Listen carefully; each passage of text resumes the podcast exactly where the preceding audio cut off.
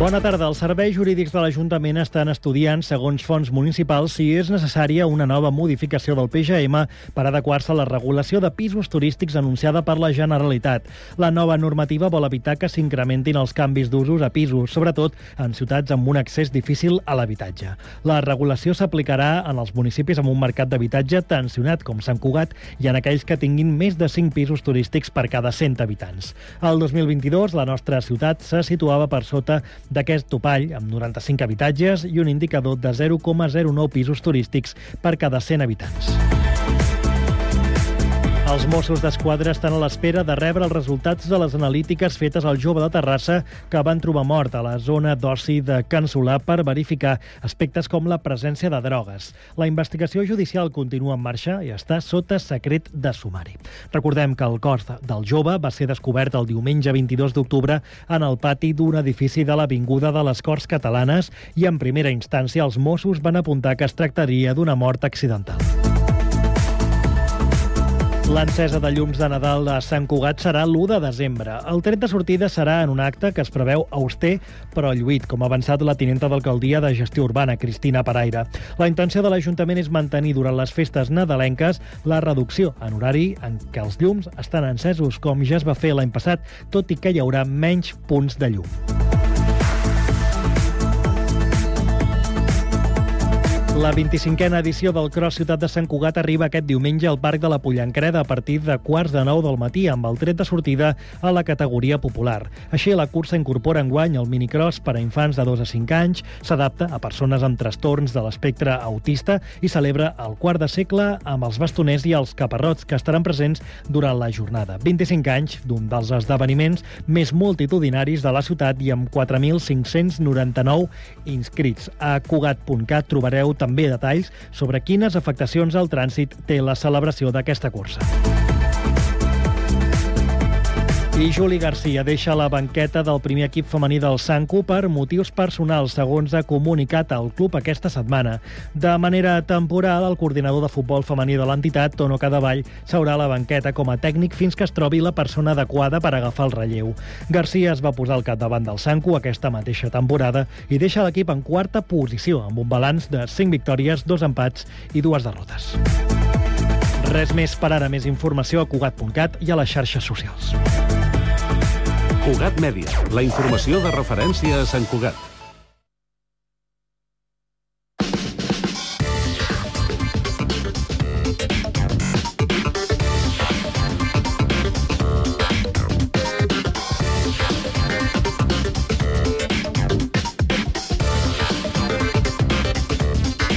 A les 5 i 3 de la tarda donem inici a la segona i última hora d'aquest Connectats de divendres. Anem amb la informació de servei, començarem pel trànsit. Anem fins al Servei Català de Trànsit. Allà hi tenim la Sílvia de l'Amo. Bona tarda, Sílvia. Hola, molt bona tarda. Doncs eh, en aquests moments hem de parlar que la situació ha millorat en un punt on teníem molts problemes, ha estat l'AP7 a Santa Perpètua de la Mogoda en sentit a Tarragona, on hi ha hagut l'accident d'un motorista. Això ha complicat molt uh, en aquest sentit. Ja s'ha normalitzat, però en sentit contrari, derivat a l'efecte de Faner, encara hi ha 6 quilòmetres i mig en sentit Girona. En el cas de l'AP7 a Barberà, en sentit a Tarragona, 6 quilòmetres, com també l'antitud, al seu lateral, la B30.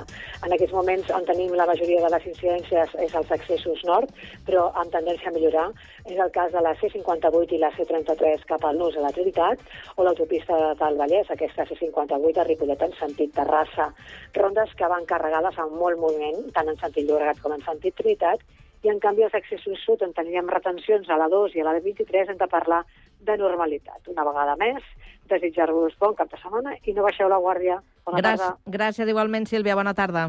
Bona tarda. Anem ara fins al Transmet per saber com està funcionant el transport públic. Albert Garram, bona tarda. Doncs eh, s'han solucionat les afectacions a les línies R3, R4 i R7 que afectaven el sistema de senyalització entre les estacions de Fabra i Puig i Montcada Bifurcació, on els trens han pogut acumular fins a 25 minuts de demora, tot i que s'espera que es vagin recuperant les freqüències de manera progressiva durant les properes hores. La resta de la xarxa de transport funciona sense cap incidència destacable, on, a banda, també recordem de que la línia R3 TV3 està tallada pel desdoblament entre les estacions de Parets i el Figaró. Es mantenen a la resta de les línies les freqüències i horaris habituals, tant els serveis ferroviaris com de bus. De moment això és tot des del Transmet. Bon cap de setmana.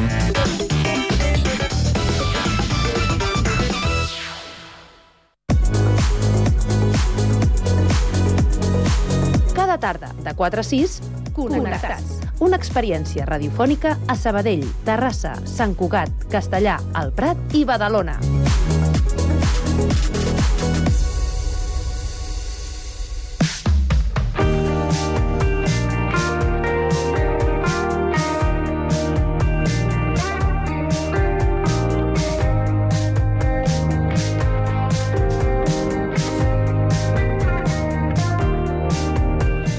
Avui, des de Castellà del Vallès, ens presenten el Pol Leiva. Nascut a Santa Perpètua de Mogoda, diu que ha trobat a Castellà un bon lloc per viure-hi. Format en cuina i músic de professió, el Pol ja està immers en el teixit social del poble. Jaume Clapés, bona tarda. Hola, bona tarda, Carme. Ja tinc el Pol Leiva aquí, a l'estudi de Ràdio Castellà. Bona tarda, Pol. Bona tarda. Et sorprendrà, però el Pol i jo ens coneixem de fora, de la ràdio. Sí. Però no va sortir de mi la idea de fer-te l'entrevista. Ah, no? No, és que tu estàs molt endinsat i al poble, Pol. Això diuen. No? I el que, va, el que va succeir és que algú va veure que, que feies una actuació, que tu actuaves un diumenge, podria ser. Eh, però, és veritat. Ens podries explicar quines actuacions fas aquí a Castellà? Doncs, a part de, de, de estar com a, com a músic resident a les jams del, del Calissó, amb, amb acció musical, castellà, el que m'han proposat des del grup de, dels, del, de, dels predadors de swing d'aquí de Castellà és que organitzi una mena de cicle de concerts de swing per tornar que era la música en directe al Calissó. Es veu que era com molt típic que hi hagués música en directe de, abans de la pandèmia, i que, que la gent una va demanant no? quan tornarà la música en directe, no sé què quantos i en, i en Raül de la, de, la, de, de la gent del swing d'aquí de Castellà doncs m'ho va proposar, em va dir, hosti, per què no montes tres, seran tres sessions, la primera és aquest diumenge a les 12 Ah, no és l'anterior. Jo em pensava que ja havíeu començat. No, no, és el no, que ve. és el que ve. Vale. És aquest diumenge ja eh, que comencem amb un... Amb, venen, venen dos companys meus, el, en Ramon Maixà i en Memi Silà, que tocarem, estarem, farem una hora i vint de bolo i tocarem uns temes de swing perquè la gent balli i qui vulgui venir a escoltar que escolti i tot fantàstic, esperem que faci sol. I llavors seran els tres diumenges consecutius? No, és el, uh, és el diumenge d'un mes sí, d'un mes sí i mes no. Ara no sé quin és el mes, el, aquest, aquest diumenge, és el segon. Un diumenge al mes, vols dir? Dos diumenges al mes. Sí, és un diumenge al mes, el que passa que un és música en directe i l'altre és uh, vermut amb uh, música enllaunada. Vale. I quan és música en directe, tu quin instrument toques? Perquè hem explicat que ets músic, però quin instrument toques tu? Jo al principi estaré tocant la bateria i fent una miqueta com a mini mestre cerimònia, és una cosa molt, ah, molt, molt humilde. Ah, molt bé. Sí. Una mica de speaker. Una mica de speaker, explicar quatre cosetes, sí, Molt bé. al micròfon. Molt bé. A part, la teva faceta musical, toques la bateria i a més també fas classes. També dono classes, sí, sí, estic, eh, soc docent aquí al, aquí al municipi eh, i bàsicament estic vinculat amb, amb dos de les, de, de les escoles, que una és l'Escola de- d'Acció Musical i l'altra és també amb, amb Espai Art. I, a part, també el que els faig una miqueta de direcció artística a la gent de l'Orquestra Castellà, que bàsicament els hi faig, els hi faig de director. Ah, ah, molt bé. I quan va començar? Perquè o sigui, toques la bateria, però quan comença l'interès per la música? Uh, doncs eh, realment va ser, és una cosa que va tenir molt clar els meus pares i és que el, el, el, el nen havia de fer música i el nen va fer música i jo vaig començar classes de sensibilització amb 3 anys a la, a la- a l'Escola Municipal de Música de Santa Perpètua. Jo no soc de castellà, jo soc de, de, de Santa Perpètua No passa res, t'estimem igual. jo m'ho crec, jo m'ho crec i en soc conscient d'això. Um, I mira, i des d'aleshores, quan vaig tenir 5 anys vaig haver de triar un instrument, vaig triar la bateria, no em preguntis per què, i, i des d'allà, i des d'allà aleshores fins a, fins a dia d'avui. És veritat que sí que vaig fer com un mini peron, quan vaig decidir estudiar cuina, tothom s'equivoca en algun moment en la seva vida, jo ho vaig fer també, i, i, i després ja sí que vaig entrar al Conservatori Superior i ja vaig començar el que és la meva vida ara mateix, que és 100% música.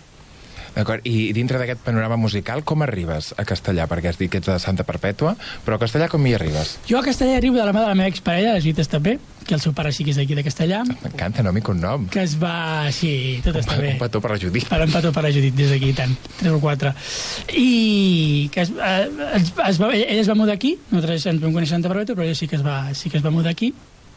I, i jo, bueno, anava venint, anava venint, anava venint, i va haver un moment en final de curs que em vaig quedar sense la feina que tenia a Barcelona, jo treballava de profe en un conservatori, i vaig dir, ostres, i ara què faig? Dic, bueno, doncs buscarem feina a Santa Perpètua, no podia perquè l'única formació que hi ha musical és pública i per tant tot el merder de les coses públiques, i vaig mirar castellà, dic, anem a mirar castellà, i vaig trobar diferents escoles, i vaig enviar, ei, necessiteu reforços? I sí, sí, i al cap d'una setmana ja m'escrivien que sí, que sí, que endavant i que no sé què, i, ja, i així vaig començar jo. Això fa quants anys? Això farà, doncs, del 2021. Oh, Déu-n'hi-do, déu Sí. nhi déu I en, I en aquests un parell d'anys que estàs per aquí, jo crec que t'has endinsat una mica en el teixit social i que fas moltes activitats. On et podem trobar? Si, per exemple, al poble, on et podem trobar de castellà? Um, ostres, doncs jo crec que amb, amb un espectre molt ampli de llocs del poble, perquè em podeu trobar del, del Puig de la Creu tallant el fetge per la boca perquè he decidit pujar corrent a la meva gossa, o amb el Jaume, a vegades fem expedicions. A vegades ho fem. Um, no ho podeu trobar també, per exemple, un divendres de cada mes a la Jant del Calissó, també vinculat i fent quatre, quatre capotes a la gent que m'estimo d'aquí de Castellà la, per l'Esbart, eh, hem involucrat també amb l'Orquestra Castellà i bàsicament ajudant a tothom qui m'ho demani eh, aquí, hi ha aquí està el Polito I jo t'he vist també escalant. i escalant també, és veritat. Ai, mira, veus, jo, jo m'ho he deixat això. Eh? Hi ha Can Glomerat o aquí al, al rocòdrom del, del Sec, que és un espai magnífic i que animo tothom a que, a que ho provi.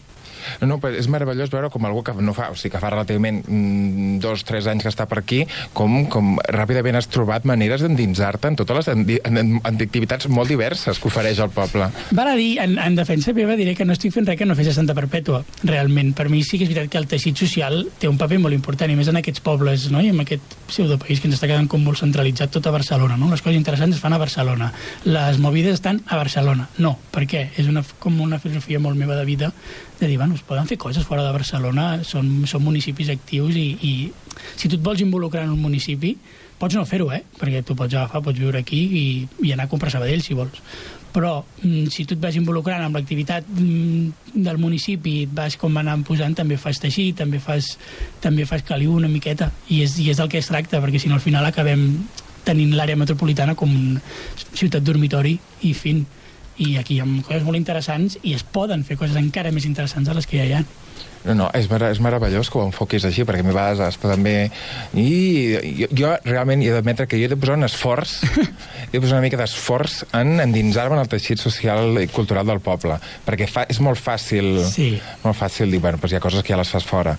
Sí, tam també he de dir que jo també estic una miqueta desintoxicat del poble, eh? De fet, una de les raons per la qual decideixo venir aquí um, a viure, i a viure sol i tal, no sé què, és perquè també estic molt intoxicat del, del que era el meu poble, tenia moltes ganes de marxar, Castellà m'agradava molt, era una molt bona opció, vull dir, la muntanya aquí prop, Barcelona relativament a prop també, vull dir que que jo també vaig triar castellà per això i perquè necessitava també. Vull dir que jo també entenc la vostra dels castellanis de tota la vida, també entenc perfectament el dir, ostres, no, no, és que mira, poder que toqui l'aire una miqueta, que no està malament ventilada de tant en tant. Hombre, per suposat, per suposat, per suposat. Ho has apuntat una mica abans, que vas tenir una equivocació, has dit? Sí, Aquesta, Explica'ns aquesta equivocació. aquesta equivocació, bueno, jo havia de triar un... Després, jo vaig fer batxillerat, normal i corrent, allò, el que, el que t'animen, vinga, va, vés a fer batxillerat. Vas al batxillerat, què vols fer? Uf, jo no sabia què fer. I m'agradava molt la cuina, m'agradava molt el periodisme gastronòmic. De fet, sempre vaig, vaig col·laborar a la revista Cuina durant molt de temps. Uh -huh. I dic, bueno, però jo, abans de tirar-me a fer de, de periodista gastronòmic, jo vull aprendre, vull saber les bases de la cuina, vull tenir una miqueta de criteri tècnic. I vaig decidir que el millor era anar a fer un cicle form formatiu de grau superior de, de direcció de cuina. El vaig fer amb la idea de després anar a fer periodisme Ah, mira. i ja especialitzar-me. Aquesta era la meva primera idea. Però la professió no em va acabar d'agradar gens, la professió d'estar de, d'estar a la cuina, d'estar a pastisseria, vaig fer pràctiques a l'escrivà, a la pastisseria escrivà, va ser una experiència molt dolenta, em sap molt de greu, però va ser així. Per mi, a mi no em va agradar gens, no va encaixar gens, no entenia, no, no, no em, i no em veia tampoc allò treballar, vinga, dies És, és veritat que la pastisseria és de la part de la cuina la més exigent? Diuen? Diuen que sí, diuen que sí, és veritat. Però no, no ho sé, jo estava, estava amb l'obrador perquè no em volia posar tampoc amb el, amb el rotllo aquest dels serveis i l'estrès i no sé què, i mira, doncs, diria que la vida d'obrador m'agradarà, però tampoc perquè, bueno, no, jo, jo, jo no m'hi veia dedicar-me tota la vida a això. I a part, ja anava convalidant pràctiques del cicle formatiu perquè tenia bolo, perquè me n'havia d'anar de gira no sé on, perquè, clar, Perquè vas portar les dues vessants en paral·lel. en paral·lel tota l'estona. Sí, sí, clar. I va arribar un moment que jo vaig, vaig, vaig haver de ser els meus pares, que han sigut qui m'ha financiat totes les meves movides mentals, han sigut els meus pares. No sóc el primer ni seré l'últim. No, i, molt agraïts els pares, sempre. Exacte, sempre. Ah, però els vaig asseure en una taula i vaig dir, nois, és que jo això no ho acabo de veure clar. Ho acabaré perquè ho acabaré, perquè ho heu començat i mai saps. Al final és un patrimoni que tens i mira, Home. i ja està. I no ens podem permetre un pis doncs fem, estudiem, no? Ho tenim tota la vida. Molt ben vist, molt ben vist, que és, que és un aprenentatge que l'arrossego i que és molt útil, eh? Molt. Justament, concret aquest, és molt útil. No, els títols, eh? I també, jo ho estic veient ara, eh? També que estem buscant com diferents feines i anar fent i poder presentar el teu titulet és com un passaport així. I això, els vaig, els vaig asseure i això no ho veig clar. M'agradaria fer les proves d'accés al superior, observatori superior, i, i va ser quan vaig fer el canvi de, de cicle. Sí que he anat fent coses, he anat fent casals de cuina, he anat fent uh, bueno, col- col·laboracions a la revista de cuina, i he anat fent coses, però no, no, la cuina va quedar com en un segon pla, bastant bèstia, i no... Potser, si hagués sigut més valent, hauria d'haver anat directament ja cap a la música, i... però bueno, però al final també és un aprenentatge que t'endús. Hòstia, però provar també és molt ric, eh? Provar i descobrir, i dir, si no ho haguessis provat, potser pues, ai, i allò que mai vaig saber... Sí, passa que és, ve- sí que és cert que és això, eh, que és molt, és molt, és molt maco, potser és molt romatí, no? que t'has- d'equivocar i tal, no sé què, però clar, però quan t'equivoques i te n'adones que portes uns anys de delay i en dius, ai... No, perquè mai... No, perquè no estem perdut, no... No és temps perdut, és temps invertit en una altra cosa, això és veritat. Perquè ara, per exemple, tu quan et cuines, ostres, Ah, no, clar. no deu ser el mateix que quan em cuino jo. Ah, no, clar, sí, no, això és veritat. Això, és- això és veritat. I, i sóc una persona completament solvent a la cuina. A vegades la lio, però sí que és veritat que això és cert i que, bueno, i que saps anar a comprar. Això és, que, això és, que això és important. Ostres, Saber anar a comprar, perquè absolutament. hi ha gent que no sap anar a comprar. Jo no en sé. És a dir, o les carnisseries, no? L'altre dia parlàvem amb, amb, amb, amb l'Esteve, del, del Prat Torres, que deia, clar, que la gent no ve a comprar, perquè va a les carnisseries I no sap què i demanar. hi ha, hi ha, un, hi ha un decalatge, hi ha un, una, una, una bretxa, ara no em surt una Sí, bretxa, no? Una sí. bretxa d'edat Sí. import, és importantíssima. Vull dir, no, no, la gent que ve, bueno, pues això, la més jove, pues 40, 40 anys, i això realment augura un futur molt, molt dur cap al petit comerç, perquè tu veus la peça de... És que vull fer vedella estofada. I què he de demanar jo ara amb tot aquest, eh, no? O jo què sé, o vas a, la, vas a la fruiteria i no saps quan és temporada de taronges. O... Això és veritat que et dona una certa sobirania alimentària que és una de les sobiranies més importants del món. M'estàs fent una enveja. Ara tot això que estàs dient, jo tot això ho compleixo. No sabria anar a la carnisseria, no sabria lo de les fruites. Tam... No... Doncs fem uns cursets, fem unes coses. Fem uns cursos, però... però... Ah. Però, però, però una cosa que sigui ja eh, dintre de l'educació pública, per favor. Sí, eh, sí, l'educació pública, déu nhi necessitarem, necessitarem Que apretar. ens ho facin això, l'educació pública. Jo crec que sí, jo crec que sí. I seria, seria el seu. Sobirania alimentària és importantíssima. Llavors, perdona, eh, com passes de- d'una cosa a l'altra? Perquè veus que és impossible de compaginar. És molt clar, és molt difícil de compaginar perquè al final jo també estava veient els meus professors de l'escola de cuina també t'anaven dient prepara't per 18 hores, per 20 hores. Sí, clar, en un restaurant hi ha moltes vegades que sí, que, però aquí a l'estat espanyol mm, la cuina, el sector de la cuina és un sector on els drets laborals brillen per la seva absència. Vale. I és un fet i s'ha de dir, s'ha de reconèixer i no passa res. Um, clar, Bé, o sí, o sí, què passa? o sí, o sí, sí, sí, vull dir que no passa res per reconèixer-ho, per Val. dir, nois, no tenim un problema Exacte, estructural exacte. amb això i és que mm, estem explotant a la gent per als seus límits. I que jo veig que és impossible, jo veig que volia seguir, volia seguir tocant i jo no volia perdre l'instrument. I clar, i a més a més, estava, estava, m'estaven convalidant assignatures perquè tenia bolos, no que mira, aquestes hores de pràctiques no cal que les facis. Mira, clar, perquè és que tinc és que he d'anar aquest bolo no sé què, és que tinc un assaig amb no sé qui i clar, al final arriba un moment que dius noi, és que mm, estàs estudiant un cicle formatiu de grau superior, que en principi és una cosa que són dos anys i et disparen al mercat laboral i tu t'estàs deixant formació per fer perquè tens un altre no té cap tipus de sentit, tira cap on has d'anar i ja està, i a més a més en principi et farà més feliç. I així ha sigut, de fet. Bueno, doncs me n'alegro moltíssim. I en el camp de la música, projectes nous? Projectes nous, um, no, a part, de, a part de tot el que és el, el tema aquest de, el tema aquest de, de animar, animar castellà que, que es tregui aquesta carcassa "És que som un poble i ningú vol venir aquí a tocar i no sé què, animar molt, animar això, doncs amb els, amb els cicles aquests de concerts de, Sí, de jazz i de fes, swing. fes-nos un repàs. Els di, uns, un divendres al mes... Un divendres al mes, uh, em és el tercer, estem amb, la, amb acció musical a, A Cal Calissó. a Cal Calissó, A- obrint la jam, A les 9 del vespre? a les 9 del vespre. que podeu venir i allà estarem i us ajudarem i estarem amb vosaltres. Que la jam, pels que no ho sàpiguen, és aquesta cosa meravellosa que si tu creus o tu saps tocar algun instrument... Pots pujar encara que no ens coneguem de res. Dius Ah, el què i et direm, vale, i Vinga. estarem allà. Això és, un, això és el tercer divendres cada mes, però hi han dos, dos jams, és a dir, el primer divendres, primer i tercer divendres, hi ha jam al Calissó. Va. Ara començarem amb els cicles de música en directe dels, del, de la gent del swing a, al Calissó. Els diumenges. Els diumenges, a les 12, que és, eh, em sembla que és el segon diumenge, aquest és el segon diumenge, oi? Sí. Sí, és el segon diumenge de cada mes i es va alternant. El, el, els diumenges, mm, un diumenge és música lleonada i un diumenge és, és, música, en, és música en directe. En viu.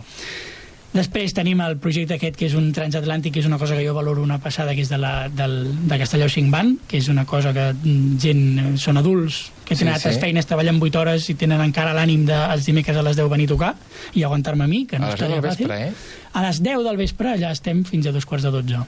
Sí, sí. Però això són assajos. Això són assajos, però que també és un projecte que també ens veureu pels carrers i tocant i participant i no sé què. Això és un dels projectes que jo me'ls estimo molt, moltíssim, i crec que fan un esforç inhumà per, per, per tirar endavant aquell, aquell, que és un transatlàntic, costa molt de moure. I després hi ha el meu projecte personal amb, el, amb un company, amb, amb l'Albert Poll, que alguna vegada també ha vingut aquí a tocar, Ahà.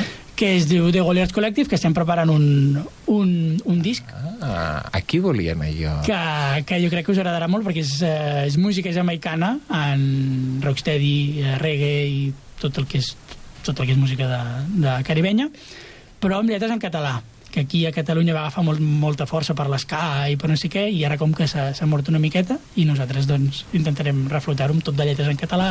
I com podem seguir les novetats? Doncs les novetats es publicaran totes per les xarxes, a, arroba The Goliards Collective, Perfecte. Ah, i te, em sembla que tenim Instagram, Twitter, Facebook, allà està tot penjat. Doncs molt bé, moltes gràcies, Pol. A vosaltres. Ens has portat una cançó per acomiadar aquest, aquest Sí. tastet d'entrevista. Quina cançó ens has dut? Però que no és meva, no és de, no és de The Goliards, és d'un projecte d'un grup que es diu Barlat, que són, són menorquins, d'un una persona que me l'estimo molt, en, en Josep Penyalbé, també conegut com a CP, que també ha vingut a tocar aquí al Calissó, um, que és un tema que es diu Finestres en Pont. I per mi és un tema molt bonic, amb una tornada molt, molt bonica, que és tot, tot és l'imaginari una miqueta menorquí, però que crec que, que, que s'ha d'escoltar molt, molt fort i que a mi, un dia que vaig tenir un eh, petit divorci amb la música, eh, m'ha ajudat molt a, a tornar-me a reconciliar i és una cançó que li tinc molt de, molt de carinyo. Molt bé, doncs, doncs amb aquesta cançó ens acomiadem. Gràcies per venir a la no, ràdio. a vosaltres per convidar-me i endavant amb tot. Aquí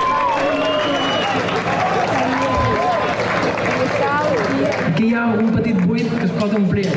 Vam anar tots un metre o dos endavant, sí o no? Vinga, vinga, vinga!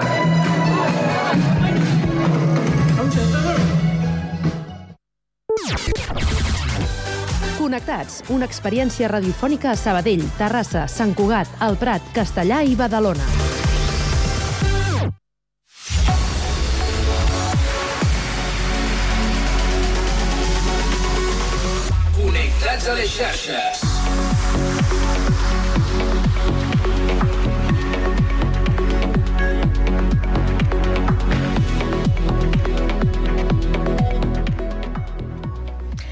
Avui al Connectats abordarem l'espai de les xarxes des d'un altre vessant. Intentarem analitzar quina és la tendència en la nostra relació amb les xarxes, com ho fan els mitjans de comunicació, i acabarem parlant d'una nova plataforma de continguts a la carta que des de fa poc s'ha sumat al panorama de les OTT.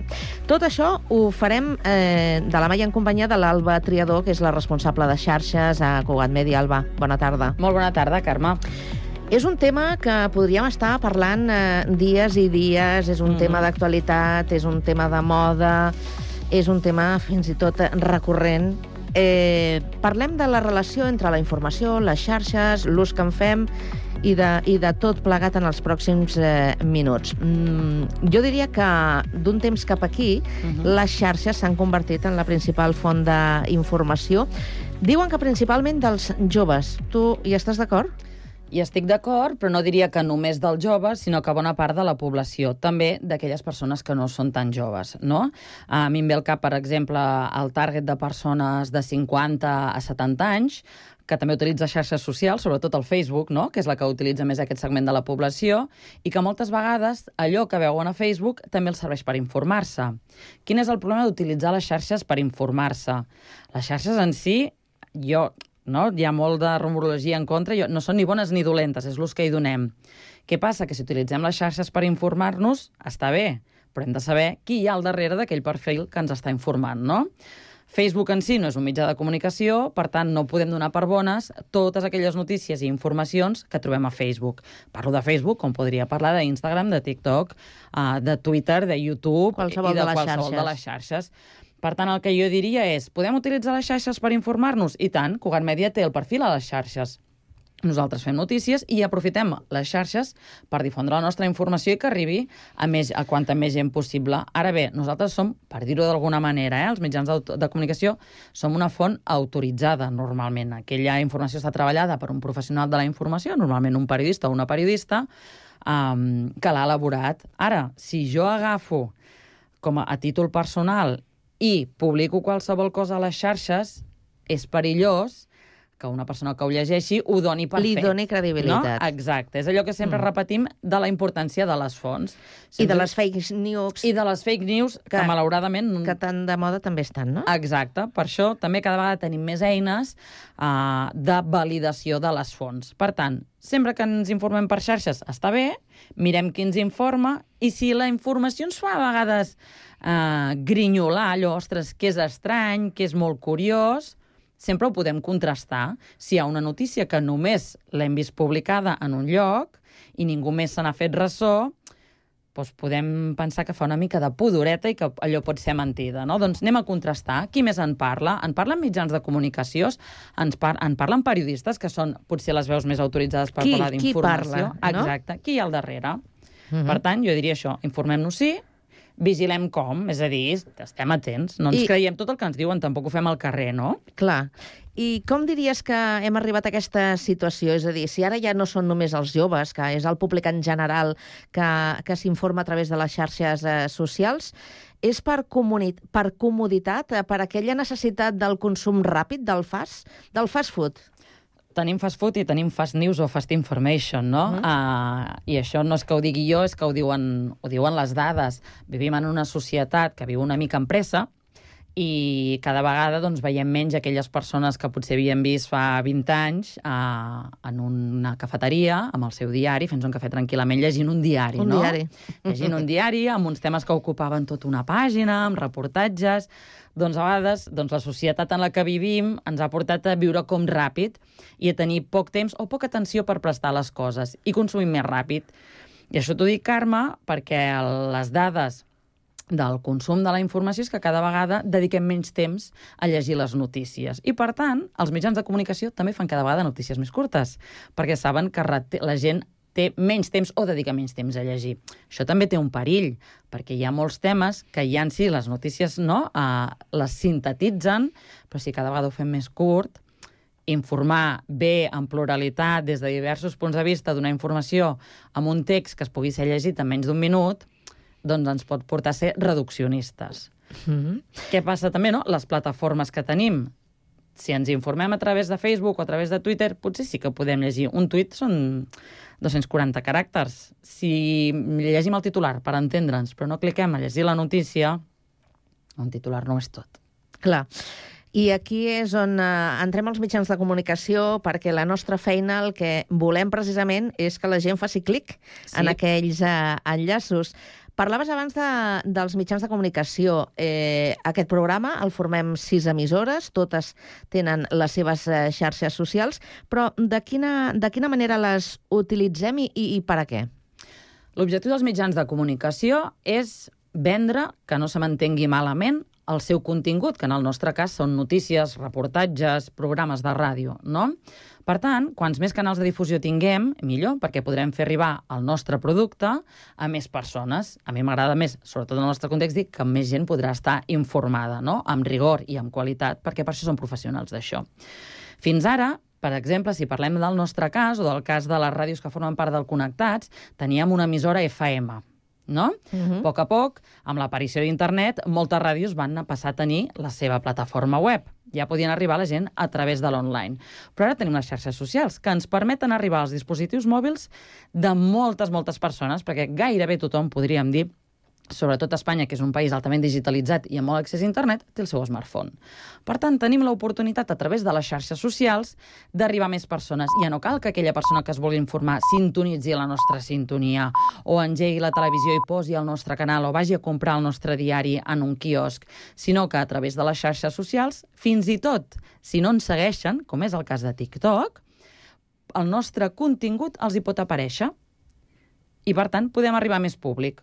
Quan a més públic arribem, més gent ens coneixerà i més gent es podrà informar a través dels nostres canals. Què volem? No volem només arribar i prou, això és veritat. Nosaltres volem que aquesta gent ens segueixi, es converteixi en el nostre seguidor a les xarxes socials. Podem fi fidelitzar. Volem fidelitzar, crear Mhm. una comunitat, com més gran millor, uh, per fer arribar la nostra informació i, per tant, ser útils, perquè nosaltres, al final, no fem notícies perquè siguin consumides. I escolta'm una cosa, eh, tu creus que hi ha una xarxa que ens, que ens fa jugar més bé en aquesta lliga que, que una altra?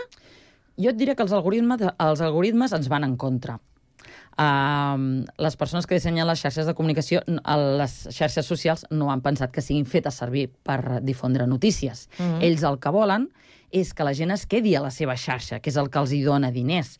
Les xarxes socials, fins ara, perquè ara Facebook ja comença, molts oients ho hauran vist, Facebook i mm, Instagram, que són de la plataforma Meta de Mark Zuckerberg, com que no podem accedir per normativa europea, no ens poden colar tota la publicitat que ells voldrien personalitzada, estan començant aquesta setmana a enviar a totes les persones que tenen aquesta plataforma un avís on tu has de triar en aquell mateix moment si els hi dones accés a les teves cookies, diguéssim, eh? Mhm. Si poden personalitzar-te una mica més la publicitat o si vols pagar una quota que, si no recordo malament, són de 16 euros al mes. Però vaja, al final, el que jo venia a dir que les xarxes no són gratis, són empreses que volen uh, tenir beneficis, el que ells fan servir és la nostra informació per posar-nos publicitat, que és al final a través de com ells ingressen.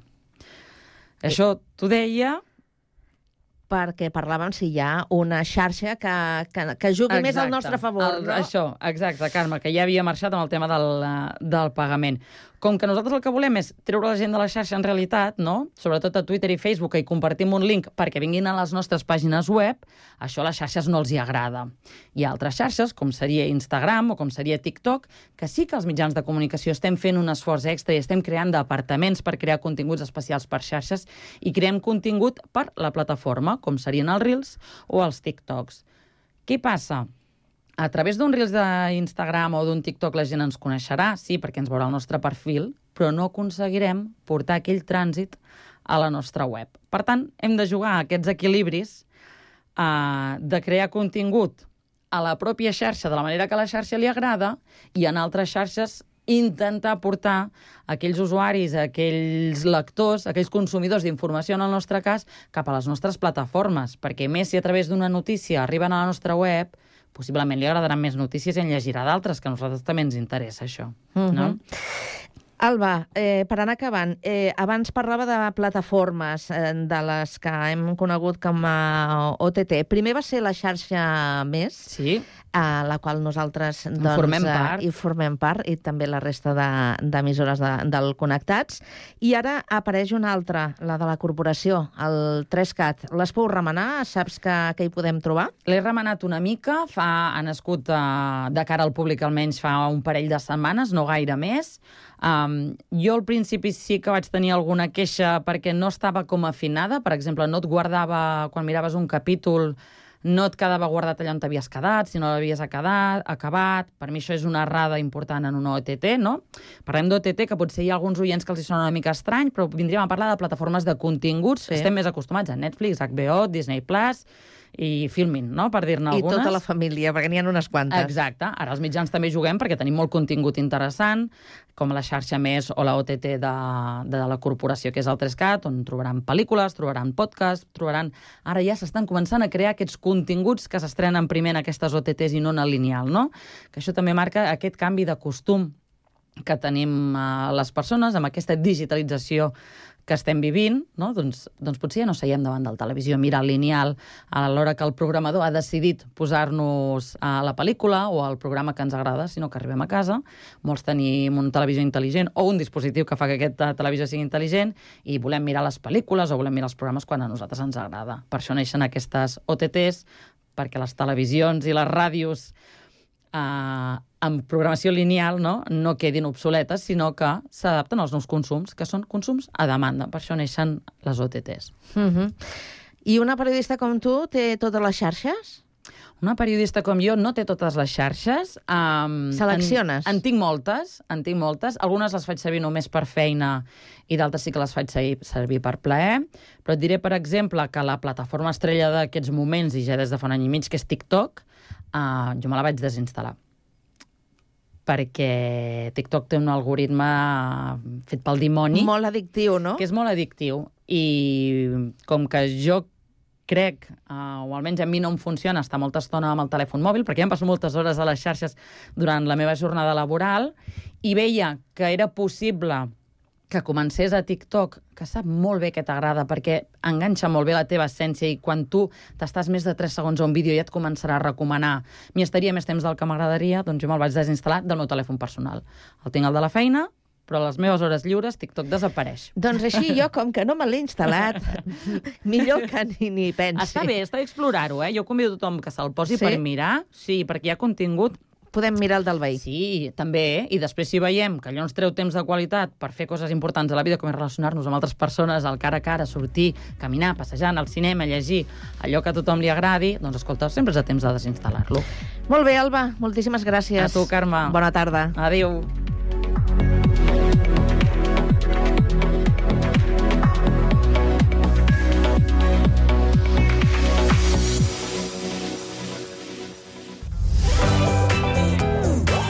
Connectats. Una experiència radiofònica a Sabadell. Ràdio Sabadell, 94.6. Terrassa. Ràdio Municipal de Terrassa, 95.2. Sant Cugat. Ràdio Sant Cugat, 91.5. El Prat. El Prat Ràdio, 91.6. Castellà. Ràdio Castellà, 90.1. I Badalona. Ràdio Ciutat de Badalona, 94.4. Cada tarda de 4 a 6, connectats.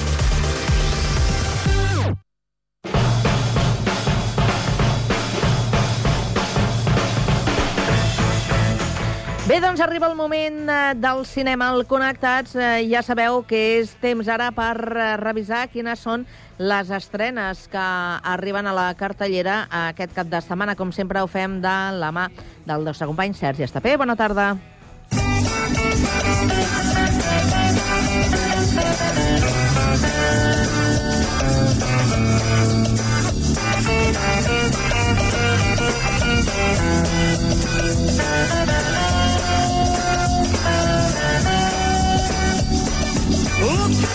De nou, una setmana més amb aquesta sintonia, aquesta música que surt a Reservoir Dogs, comencem la secció de cinema eh, que, com sempre, compta amb la presència, a vegades per telèfon, a vegades no, avui està aquí, del periodista i de Diari de Terrassa i cinèfil nostre particular, personal, té clàusula de rescinció, perquè ho sapigueu.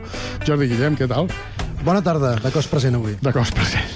Home, això és una expressió una mica més dura. Uh, escolta una cosa, déu nhi no? Les, les uh, pel·lícules i sobretot molts documentals que s'estrenen... espanyol. Sí, que s'estrenen aquest cap de setmana. Començarem precisament amb una pel·lícula del cinema espanyol. És un drama que es diu Un amor. Què em pots explicar d'un amor? Doncs mira que va ser la pel·lícula que Isabel Coixet va presentar al passat Festival de Sant Sebastià, que Mhm. ens havia d'arribar i finalment ho ha fet aquest divendres. És una pel·lícula arriscada perquè parla de temes eh, com el sexe... Eh... No, el sexe avui en dia ja tampoc Sí, però em refereixo que arriscat, fa, fa un tractament que no és, no és Ah, habitual, de les no, relacions... Eh, eh, en fi, eh, la història és eh, eh, que mm, és una, una noia que es diu Nat, que després de marxar de, de la seva ciutat natal, té 30 anys, se'n va a un poble eh, de l'Espanya profunda, diguéssim, de l'Espanya rural, en una casa de camp destartalada, viu amb el seu gos i intenta reconduir d'aquesta manera la seva vida. Mhm. uh, intenta lluitar també amb les- amb l'hostilitat d'una persona, que és qui li lloga la casa, uh, i a partir d'aquí ve un estrany un dia, aquesta és la gràcia de la pel·li, truca a la porta i li fa una proposició sexual. I a partir d'aquí és una Carai. cosa que et sobta bastant, li diu... Això t'ha passat mai? No, te la veritat és que no. proposició? diu, si, si tu em dones això, jo et donaré allò, diguéssim. Eh? I va per aquí la cosa. La pel·li ha tingut bones crítiques, protagonitzada per l'actriu catalana Laia Costa, que avui fa doblet, la tornarem a trobar, per l'actor Hobby Keuchkerian i per d'altres habituals del cinema espanyol, com Hugo Silva, Luis Bermejo o Ingrid García Johnson. Uh -huh. Molt bé, doncs el que podem fer és escoltar una miqueta d'aquest Un amor per fer-nos una idea. Ya viste cómo estaba todo. Esto no es una casa rural con encanto y gilipolleces de estas que ya te lo dije, ¿te acuerdas? ¿Por qué aquí? ¿Por qué no? Ven, ven, ven, ven. Sí, eso, sí, eso, ven. Tú eres Andreas, ¿no? Y tú, Nat. Aquí todo el mundo sabe todo de todo el mundo. Yo soy Carlos. ¿no? Que somos vecinas. Doncs aquest Un amor que s'estrena avui, aquesta pel·lícula d'Isabel Cuixet. Ens anem als Estats Units, una pel·lícula del gènere fantàstic, però que es va estrenar ahir, és de Marvels. De Marvels, la Que no ho veuré, seqüela... ja et dic ara que no no la ho veuràs, veuré. aquesta? No, no la veuré, segur. És la seqüela de la pel·li de fa 4 anys eh, sobre les heroïnes eh, de Marvel.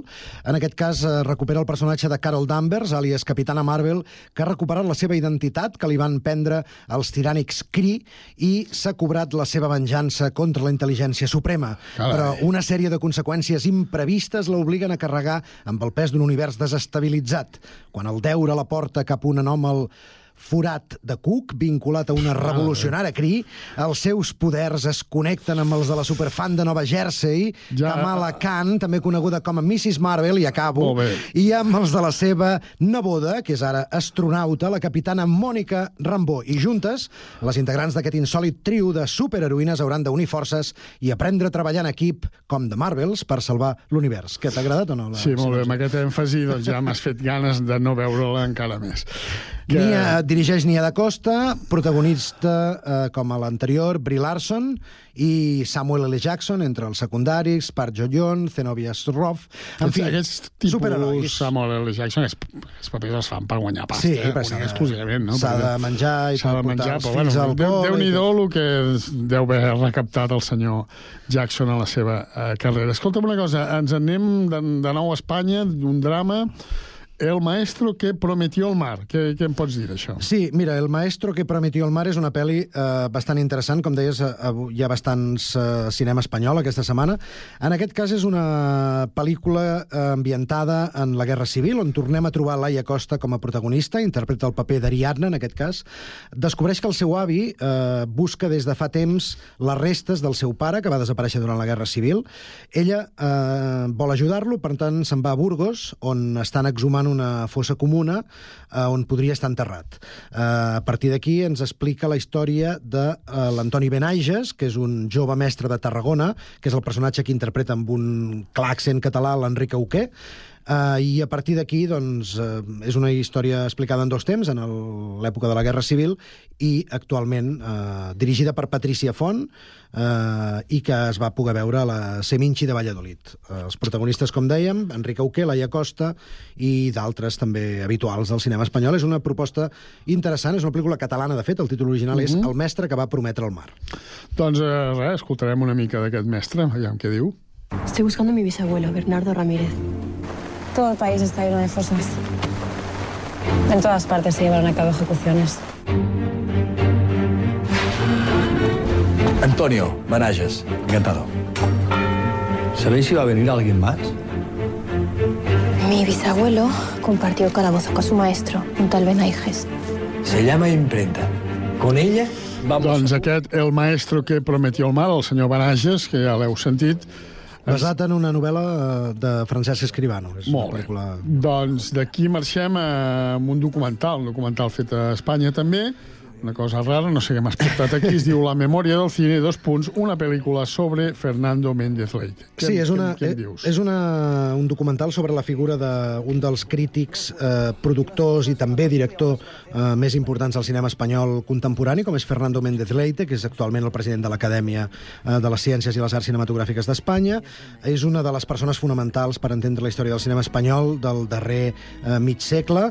Um, Aquí, eh, a través d'ell i també d'altres persones que el, van, que el coneixen, ell encara és viu, eh, és una història de cinema dins del cinema i, no diré el repartiment perquè hi ha actors de, i són tots, diguéssim. Uh, Héctor Alterio, per dir els més importants Ana Belén, eh, la seva dona Fiorella Faltoiano, l'actriu italiana uh, Fernando Franco, hi ha directors com també José Luis García Sánchez, Manolo Gutiérrez Aragón, Julia Gutiérrez Cava, actors Carmelo Gómez, etc. Bé, moltíssims, Carmen Maura, gent que explica com veu el cinema i la cultura contemporànies des dels ulls d'aquest uh, personatge que també escriu i fa crítiques, uh, que és Fernando Méndez Leite. Una pel·lícula que no aniran a veure els mateixos seguidors de, de Marvels, segurament, no ningú farà probable, complet. ni jo tampoc. Però, en fi, és, està bé. Com deies tu, hi ha molts documentals i hem pensat I posar-ne un. I acabarem amb un drama fet als Estats Units, avui el, eh, és tot Estats Units i Espanya, Sí. eh, La bala de Dios, una pel·lícula bueno, inquietant, no? Em sembla Sí, una mica. una pel·lícula del fill de John Cassavetes, dirigida per Nick Cassavetes. Uh. -huh. uh, la bala de Dios, la, en la seva versió original, es diu God is a ballet, Déu és una bala, aquí no van gosar uh, titular-la així i han canviat el títol. És un, uh, és un drama d'acció basat uh, en, en, en una novel·la, també, curiosament. El protagonista és Nicholas Coster-Waldau, que us sonarà pel seu paper a Joc de Trons. Uh, també hi surt Jamie Foxx, January Jones i Paul Johansson, entre d'altres, i és la història d'un detectiu que troba la seva exesposa assassinada i a la seva filla segrestada per una secta satànica i a partir d'aquí doncs, haurà de, com que la policia no avança en la investigació, ell decideix sortir-se'n i eh, investigar eh, por su cuenta i riesgo, que diuen els castellans, i començar, de fet s'infiltra en, aquesta, en aquest culte satànic i a partir d'aquí intenta doncs, treure i salvar la seva filla i aviam si ho aconsegueix. Si ho aconsegueix. Doncs res, acabarem aquest repàs a les cinc pel·lícules més, més o cinc documentals, documentals també, que ens has portat escoltant una mica d'aquest La bala de Dios. Estuvo en una secta, por el amor de Dios. ¿Te parece alguien digno de confianza? He perdido a mi mujer, he perdido a mi hija. Olvídate de recurrir a las autoridades si la quieres de vuelta. Debes buscarla tú mismo. ¿Dónde está mi hija? Estaba viva hace dos semanas. Si tuviera que vivir lo mismo que yo, no me quiero ni imaginar lo que la pobre estará teniendo. Doncs La bala de Dios, aquest drama així amb coses satàniques dels Estats Units amb el qual tanquem aquest repàs més extens, però també a partir d'avui podeu veure una gran pel·lícula com és Doraemon, el nou dinosaurio de Novita, una pel·lícula d'animació feta al Japó. me l'apunto. Una comèdia espanyola que es diu El favor, a mi m'acuescata, si no m'equivoco. Uh -huh. La Cingle, un documental fet a Espanya. Tiger 3, una pel·lícula d'acció de la Índia. Un drama fet a Espanya que es diu Glage. Un altre documental d'aquí, Semilla del Son. Un altre documental, Fauna.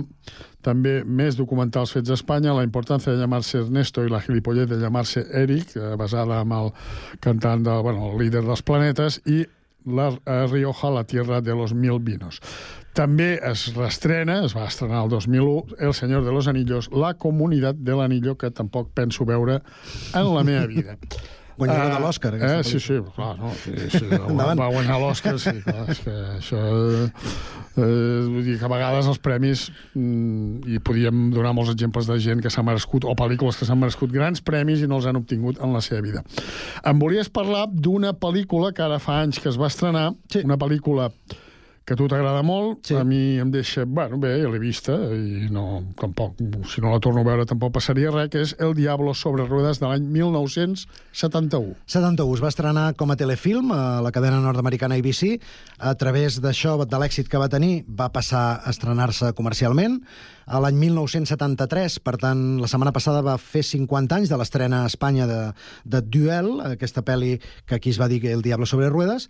És la primera pel·lícula, mm, és el primer llargmetratge, podríem dir, que, que va dirigir Steven Spielberg, el va dirigir amb 25 anys, i podríem dir que El Diablo sobre ruedes s'hi troba tot el que serà després l'estil cinematogràfic de Spielberg, amb, amb el seu cinema d'aventures, amb la seva narrativa tan peculiar i vinculada, si m'ho deixes dir, al cinema de Hitchcock, per exemple, ell no se n'ha amagat mai, i, en fi, és la història d'un camioner que no li veiem mai la cara, no li veiem només que una mà i els peus, i que persegueix per una carretera de Los Angeles, de, del desert de Los Angeles, dels Estats Units, eh, persegueix un senyor, un viatjant, eh, Un pobre home. un pobre home, que va amb un cotxe vermell, interpretat per Dennis Weaver, el, el camioner li fa amb la mà un senyal perquè passi, el Dennis Weaver l'avança i a partir d'aquí el camioner, que no Comença sabem una qui mica és... l'angoixa eh, sí, de comença la l'angoixa de per què el persegueix, com...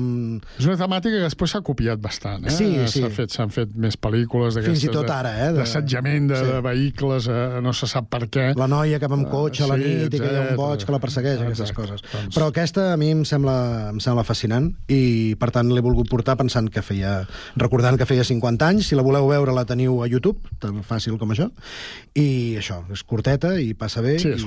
No, jo, jo recordo en el seu moment de veure va, va impactar va impactar a tothom que la vam veure, Mm. no? Eh, Per, per, per, bueno, per la, primer la idea, que era bastant bona i original, no? I que aguanta després- molt bé tota la pel·lícula, només amb una sola idea t'aguanta Sí, sí, 90 i aquesta angoixa de, de, de, de, de molt poc diàleg, vull dir que, clar, tot Mhm. és una mica l'enfrontament entre el camió i el pobre Dennis Weaver, però bé, és una pel·lícula que tampoc, no sé, no, no, no, la, no, no la posaria entre les que m'agraden més, vull dir, si fan El Padrino o fan una Home, altra cosa, sí, no, és, apuntaria, no? té la gràcia, diguéssim, que és una òpera prima, que és la primera pel·li de Spielberg, tot i que 10 anys abans hi havia rodat mig metratges, i si heu vist la pel·li de Los Fabelmans s'explica, mm, havia rodat pel·li sobre la guerra amb els seus amics allà al costat de casa, però aquesta és la primera pel·li no pensada pel cinema, sinó per la televisió, que fa el salt al cinema. I per No, no, tant- si la pel·li es, es pot veure, és- jo la recomano, veieu-la, els que Sí, no sí, l'hàgiu vist, però a tu t'agrada més. A mi m'agrada, a mi m'agrada molt. Jo reconec que la vaig recuperar fa poc. Aquesta setmana també preparant el programa em vaig mirar trossets i em vaig quedar enganxat i, i és una pel·li que, que està molt bé. 50 anys del sí, Diablo sí, sí, a més, Dennis Weaver és d'aquells actors que mm, no, no, tampoc el posaríem a la llista dels 20 No, millors és, 25. és un senyor que ha fet, un, sí, sí, exacte, ha fet un senyor- televisió i ha fet algun ha secundari. no, sí, ha fet coses... Bueno, ha fet coses interessants. I és mort, com tots els Sí, sí. personatges de la pel·li. Jo el recordo de a Hoosiers, a Más que ídolos, o, o, per exemple, Waterworld, també Mhm. sortia amb una mica, un paper una mica histriònic, i també, si no recordo malament, Speed.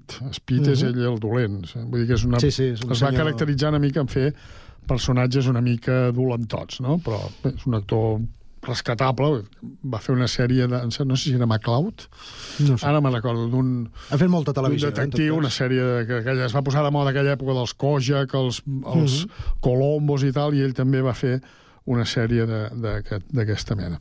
De totes maneres, no marxarem amb, una, amb la banda sonora, de, dic perquè m'agrada portar-te una mica la contrària. Espero que amb una, amb una cançó vinculada a Spielberg. No, Ah, no. Eh, pensem que avui, eh, però l'any 1800, un 10 de Aquest és el moment novembre, que més m'agrada del programa, eh? perquè De- això no, no sé per on anirà, això. de 1889 va néixer Claude Rains, el britànic, Ah, actor home. britànic, que... Oh, qui és Claude Rains? Doncs mira, només us puc dir que és el policia a Casablanca i el nazi a Encadenados de Hitchcock com a grans Mhm. papers de la seva història. Va morir 1967 i també va participar en altres títols, no, no molts, eh? no va fer moltes pel·lícules com El hombre invisible, Lawrence d'Aràbia, L'hombre lobo, Les aventures de Robin Hood, Cavallero sin espada, però sobretot molts el recordareu per aquesta interpretació a Casablanca. Ai, marxarem en Casablanca? Doncs no. No. Quants girs, eh, avui? Amb Casablanca, que l'havíem tingut de sintonia d'aquesta secció molt Sí. temps, sinó que marxarem amb la banda sonora original d'Encadenados, que Home. en anglès es va dir, bueno, amb títol original era Notorious, d'Alfred Hitchcock, amb Ingrid Bergman i Cary Grant, que si no l'heu vista, eh, l'heu de veure. Són Home. de les grans pel·lícules d'Alfred Hitchcock. De qui és la banda sonora? La banda Dimitri sonora- Tiomkin? No, no, en sé. aquest cas no, Mhm. no, no ho tinc. Una, errada imperdonable, no, no, sí, sí. Doncs marxem amb Encadenados, a Notorious, amb aquesta banda sonora d'aquesta pel·lícula, recordant el gran Claude Rains, el policia de Casablanca. Jordi, fins la setmana vinent. Fins la setmana vinent, bon cinema, sigueu feliços.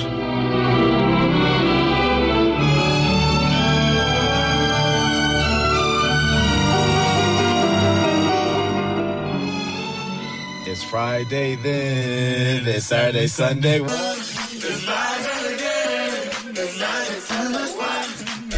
Efectivament, arriba el moment eh, d'acomiadar-nos abans, però un repàs a l'agenda amb el més destacat per aquest cap de setmana. Comencem el repàs per Terrassa. Sergi, bona tarda de nou. Bona tarda a Terrassa, dissabte a les 6 de la tarda i també a les 9 de la nit a la Factoria Cultural Humor amb de Granà.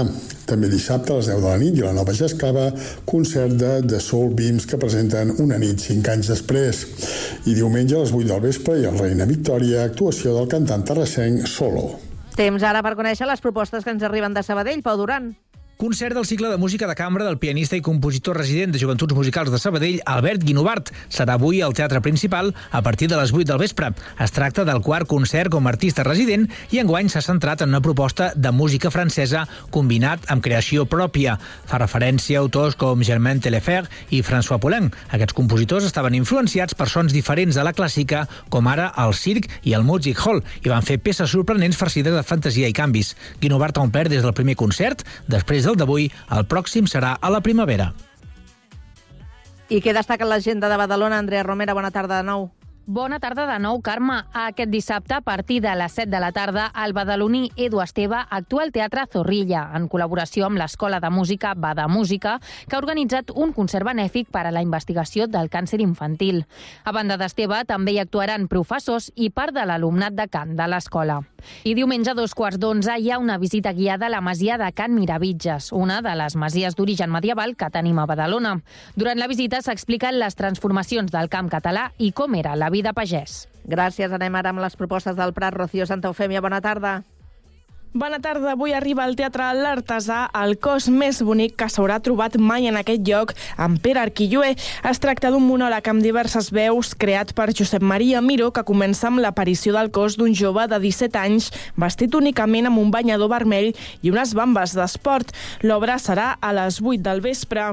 Seguim amb més teatre perquè les dones sàvies presenten demà la seva obra Esta casa és una locura al Centre Cívic Palmira Domènech, una interpretació on la Rosita i totes les seves amigues són les protagonistes i que arrencarà a dos quarts de sis de la tarda.